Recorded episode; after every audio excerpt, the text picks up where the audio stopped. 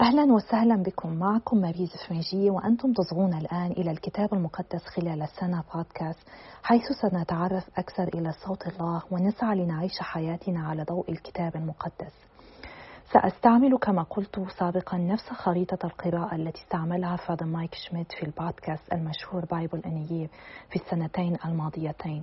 وسأقرأ من سفر التكوين إلى سفر الرؤيا إذا سمح الله بذلك.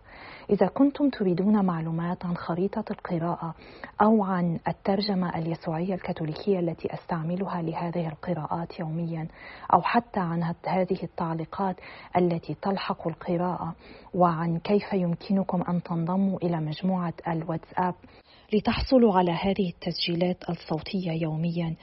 كل هذه المعلومات متوفرة في وصف الحلقة. هناك أيضا يمكنكم أن تقرأوا تعليق Ascension وسماحهم لي باستعمال خريطة القراءة من ال Bible in a Year التي استعملت في العامين الماضيين. وصلنا إلى اليوم الخامس في مسيرتنا وهو ختام أول مرحلة من الكتاب المقدس العالم المبكر. وسنقرأ اليوم الفصل العاشر والفصل الحادي عشر من سفر التكوين والمزمور الثاني. تكوين الفصل العاشر انتشار بني نوح في الأرض. هذه سلالة بني نوح سام وحام ويافث ومن ولد لهم من البنين بعد الطوفان. بنو يافث جومر ومجوج ومداي ويوان وتوبل وماشك وتراس وبنو جومر أشكناز ورفات وتجرمة وبنو يوان أليشا وتبشيش والكتيم والوادينيم من هؤلاء تشتت الناس في جزر الأمم. هؤلاء بنو يافث بحسب بلدانهم كل بحسب لغته وعشائرهم وأممهم وبنو حام كوش ومصرائيم وفوط وكنعان وبنو كوش سبأ وحويلة وسبتة ورعمة وسبتك وبنو رعمة شبأ وددان كوش ولد نمرود وهو أول جبار في الأرض وكان صيادا جبارا أمام الرب ولذلك يقال كنمرود صياد جبار أمام الرب. وكان أول مملكته بابل وأرك وأكد وكلنا في أرض شنعار ومن تلك الأرض خرج إلى أشور فبنى نينوى ورحبوت عير وكالح وراسن بين نينوى وكالح وهي المدينة العظيمة. ومصرائيم ولد اللديم والعنميم واللهبيم والنفتحيم والفتوسيم والكسلوحيم والكفتوريم الذين خرج منهم الفلسطينيون. وكنعان ولد صيدون بكره وحثا واليبوسي والأموري والجرجاشي والحوي والعرقي والسيني والأردوي والصمري والحمتي. وبعد ذلك تفرقت عشائر الكنعانيين وكانت حدود الكنعانيين من صيدون وأنت آت نحو جرارة إلى غزة وأنت آت نحو سدوم وعمورة وأدمى وصبوئيم إلى لاشع هؤلاء بنو حام بحسب عشائرهم ولغاتهم وبلدانهم وأممهم. وولد لسام أيضا بنون وهم أبو جميع بني عابر وأخو يافث الأكبر. وبنو سام علام وأشور وأرفكشاد ولود وأرام وبنو أرام عوس وحول وجاثر وماش وأرفكشاد ولد شالح وشالح ولد عابر. وولد لعابر ابنان اسم أحدهما فالج لأنه في أيامه انقسمت الأرض واسم أخيه يقطان. ويقطان ولد المداد وشالف وحضرموت ويارح. وهدورام وأوزال ودقلة وعبال وأبيمائيل وشبأ وأوفير وحويل ويباب. جميع هؤلاء بنو يقطان وكانوا يقيمون من ميشا وأنتآت نحو سفار جبل المشرق.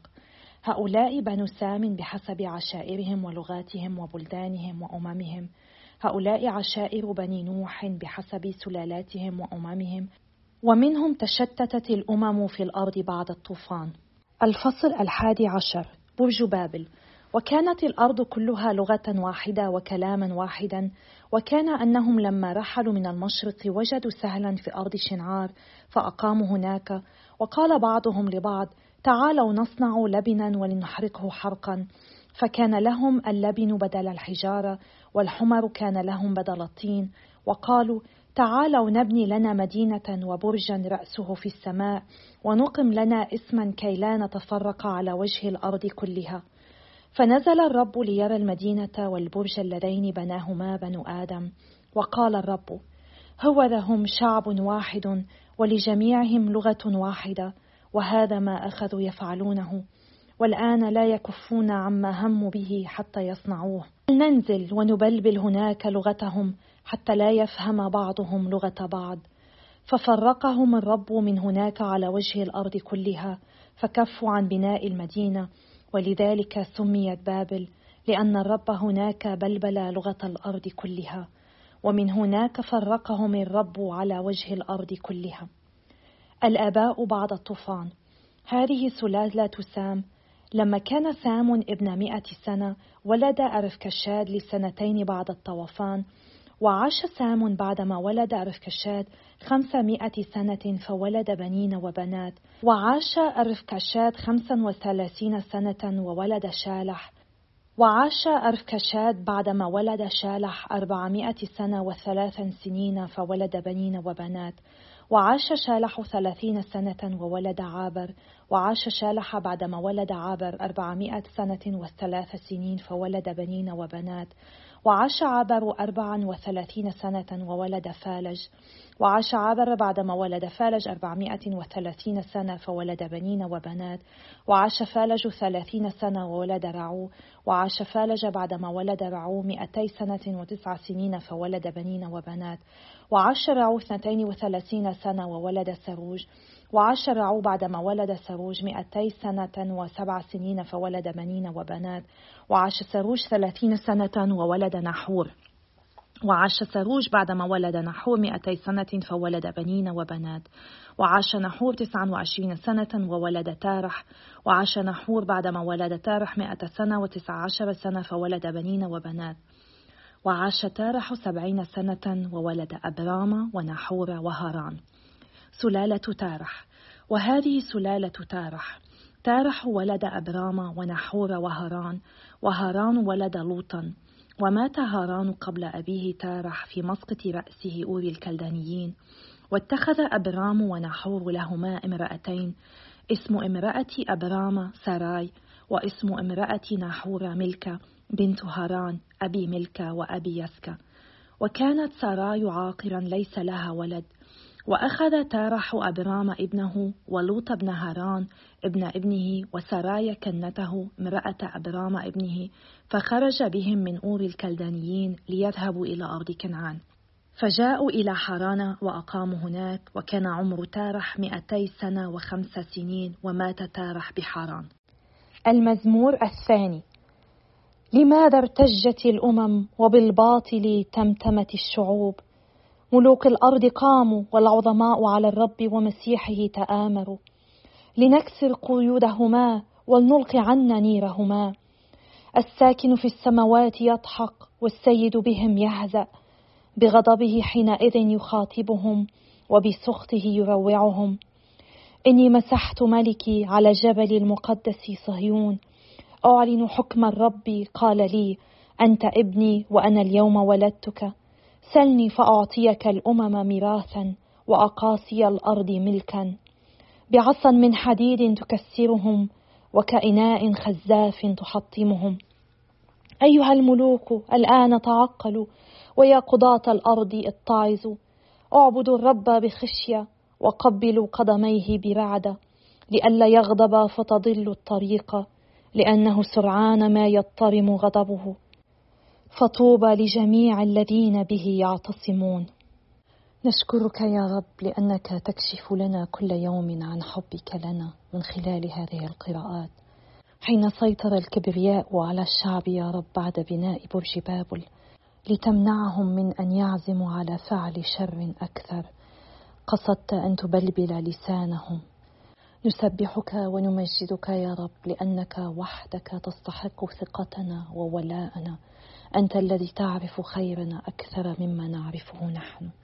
باسم يسوع نشكرك. آمين. لأول مرة اليوم سمعنا عن رجلا جبارا في الكتاب المقدس اسمه نمرود وهو يؤسس مملكة على الأرض.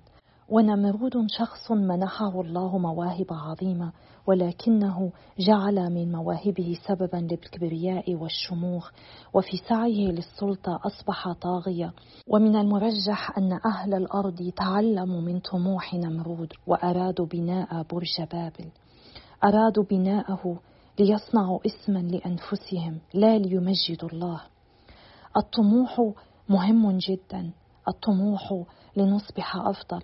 لا الطموح من أجل القوة ومن أجل السلطة. طموحنا لنصبح أفضل. هو دافع لنا لأن نعيش دعوتنا إلى القداسة.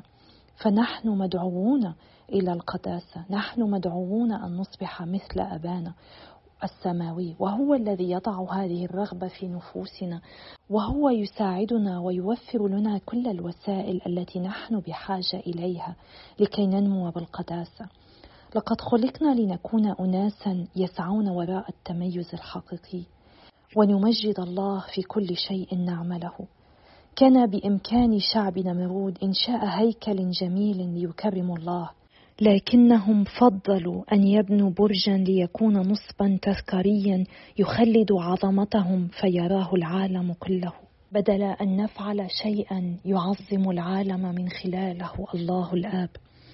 كثيرا ما نبني أنصابا تذكارية لأنفسنا سواء كانت ثيابا غالية بيوتا كبيرة سيارات فاخرة عملا مرموقا. ونفعل هذا فقط لجذب الأنظار إلى إنجازاتنا. وقد لا تكون هذه خطايا في ذاتها ولكن عندما نستخدمها لندل على عظمتنا وقدرنا فإنها تحتل مكان الله في حياتنا. كم سهل علينا أن ننسى أن كل ما لدينا هو عطية من الله قدرتنا على العمل قدرتنا على الشراء قدرتنا على التمتع بوقتنا كلها نعمة من الله كل شيء هدية منه. الشيء الوحيد الذي يمكن أن نقول إنه لنا هو خطايانا. عندما نسعى أن نفعل الأشياء فقط لأننا نريد شهرتنا ونريد مجدنا لا نكون اشخاصا يعيشون كما خلقهم الله. دعوتنا أن نمجد الله وأن نحب الله الذي خلقنا من أجل الحب. بصفتنا تلاميذ للرب يسوع. نحن مدعوون أن نستخدم كل ما أعطانا إياه الله كل الهدايا التي أعطانا اياها لمجده ولصالح كل إنسان وضعه في حياتنا لصالح إخوتنا وأخواتنا وخلاص نفوسهم. تأمل هل تضع عطايا الله لك في خدمة الرب؟ أم تستعملها لمجدك الشخصي؟ هل تعيش كل لحظة من حياتك بامتنان شاكرا الرب على كل ما أعطاك إياه؟ أم تجعل كبرياءك يقودك إلى طلب المزيد من الأمور بسبب الطمع والجشع والرغبة في القوة والسلطة؟ في قراءتنا لليوم الخامس ختمنا أول حقبه من تاريخ الخلاص في كتاب المقدس وهي التي تسمى العالم المبكر.